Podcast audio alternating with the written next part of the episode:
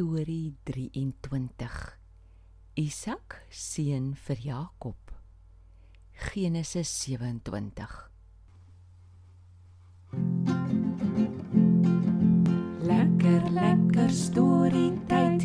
Die Bybel vat ons ver en wyd. 'n Stories van die ou ou tyd oor God se liefde vanaf daardie tyd. Sy liefde loop deur ons eie tyd Jesus kom vir die ewigheid.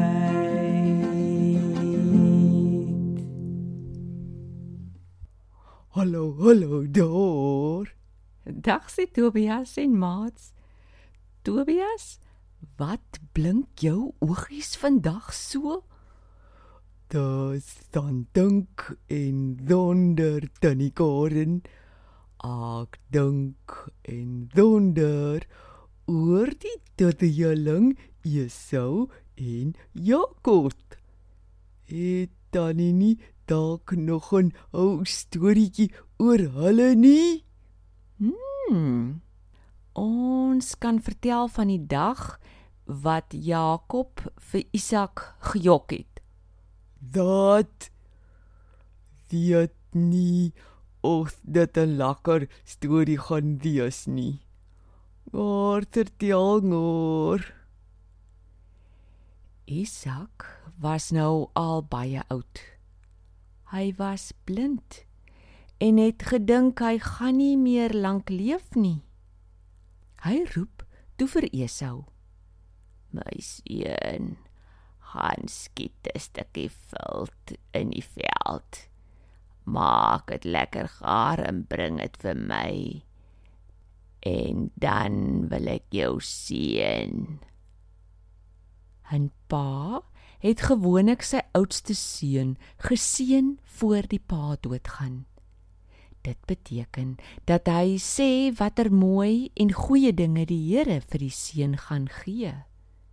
So dit was 'n baie belangrike iets vir so 'n seun.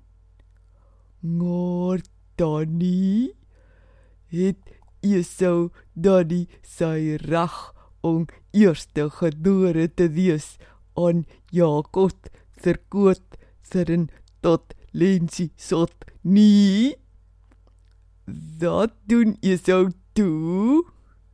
Wel, hy sê niks van daai dag van die lensiesop nie en is toe wegveld toe. Rebekka het gehoor toe Isak dit vir Esau sê. Sy roep toe vir Jakob en vertel wat Isak gesê het. Sy maak toe 'n lelike plan hoe Jakob die seun kan kry in Esau se plek. Oh, that's a plan. Rebekka het vir Jakob gesê: "Gaan vang twee bokkies by ons eie boktrop en bring hulle dat ek dit lekker kan gaar maak soos jou pa daarvan hou. Dan vat jy dit vir jou pa dat hy jou kan sien." Maar Jakob het gewonder of dit 'n goeie plan gaan wees, want hy het geweet Esau se vel is vreeslik vol hare. Isak sal sommer weet dis Jakob oomblik as hy aan sy hande vat.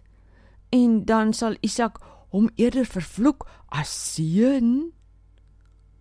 Hoekom het hulle nie net vir Isak herinner aan die dag van die lensiesot nie? Ek wonder ook. Maar nee, hulle gaan toe aan met die plan.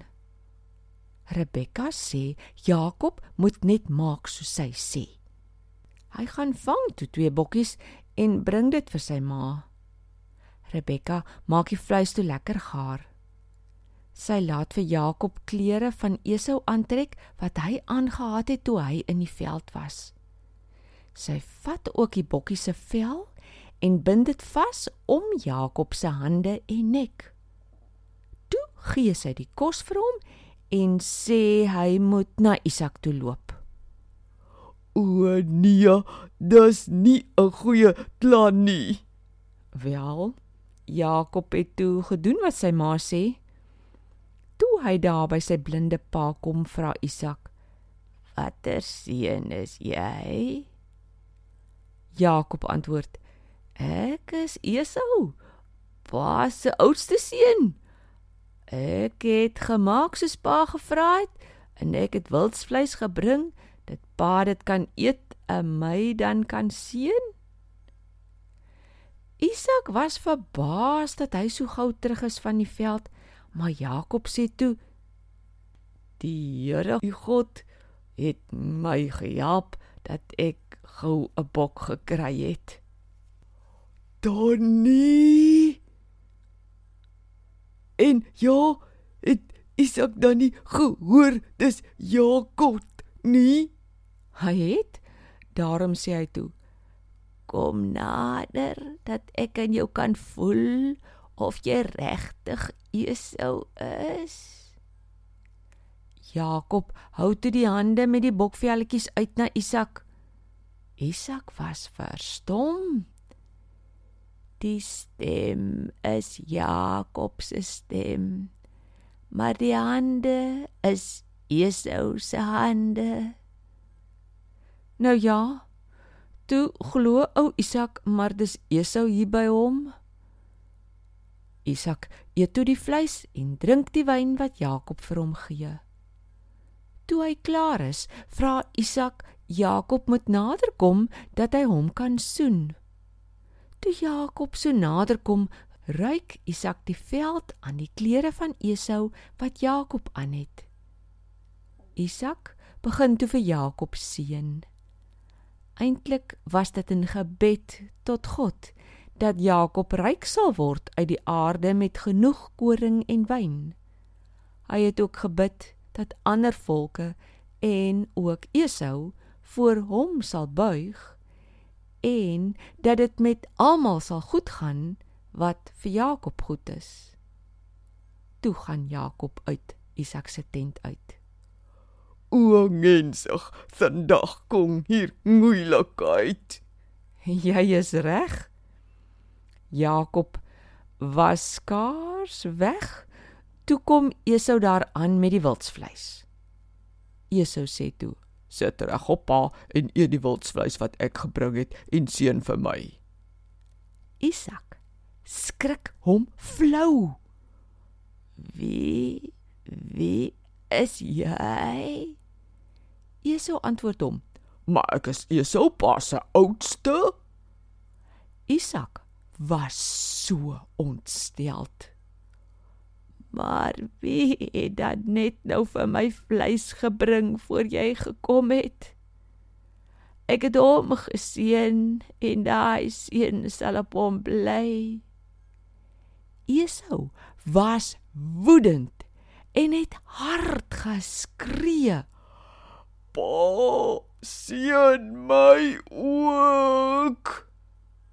Maar Isak sê hy kan nie, want Jakob het gejok en Esau se seun vir hom gevat. Esau word al kwaader en sê dat Jakob daai ander dag sy reg om eerstegebore te wees gevat het en nou het hy nog sy seun ook gevat. Hy begin huil toe en vra sy pa of hy nie maar vir hom ook kan sien nie. Isak kon maar net vir hom sê dat hy nie uit die aarde ryk sal word nie. Hy sal maar sy lewe lank oorlog maak. Hy sal dit later wel kan regkry dat Jakob nie meer baas oor hom sal wees nie toe gaan Esau ook uit sy pa se tent uit. En toe Donnie, soos jy kan dink, was Esau brissend kwaad. Hy wou vir Jakob doodmaak die oomblik as Isak doodgaan. Rebekka het dit gehoor en baie benoud geword. Sy het vir Jakob gesê dat hy tog so gou as moontlik moet wegkom. Miskien kon hy 'n tydjie by haar broer Laban gaan bly sodat Esau kan afkoel. Donnie, dis 'n vreeslike storie die. Dit sou daai dieter gedees het as hulle almal net net mekaar getraat het en nie skelling das nie. Dat het toe gebeur. Ongelukkig sal ons moet wag vir die volgende storie om te hoor wat toe gebeur het. Orde, hoekom loop die tyd so vinnig? Gods, kom ons groet dan vinnig dat ons vinnig weer kan kom om te hoor hoe die storie aangaan. En onthou tog om met mekaar te traat as iets jou kla. Nie singe kaarte jok nie. Totsiens. Klink my Tobias het goeie raad vir ons. Praat met mekaar oor wat pla. Mats, dan groet ek ook eers. Totsiens, tot volgende keer.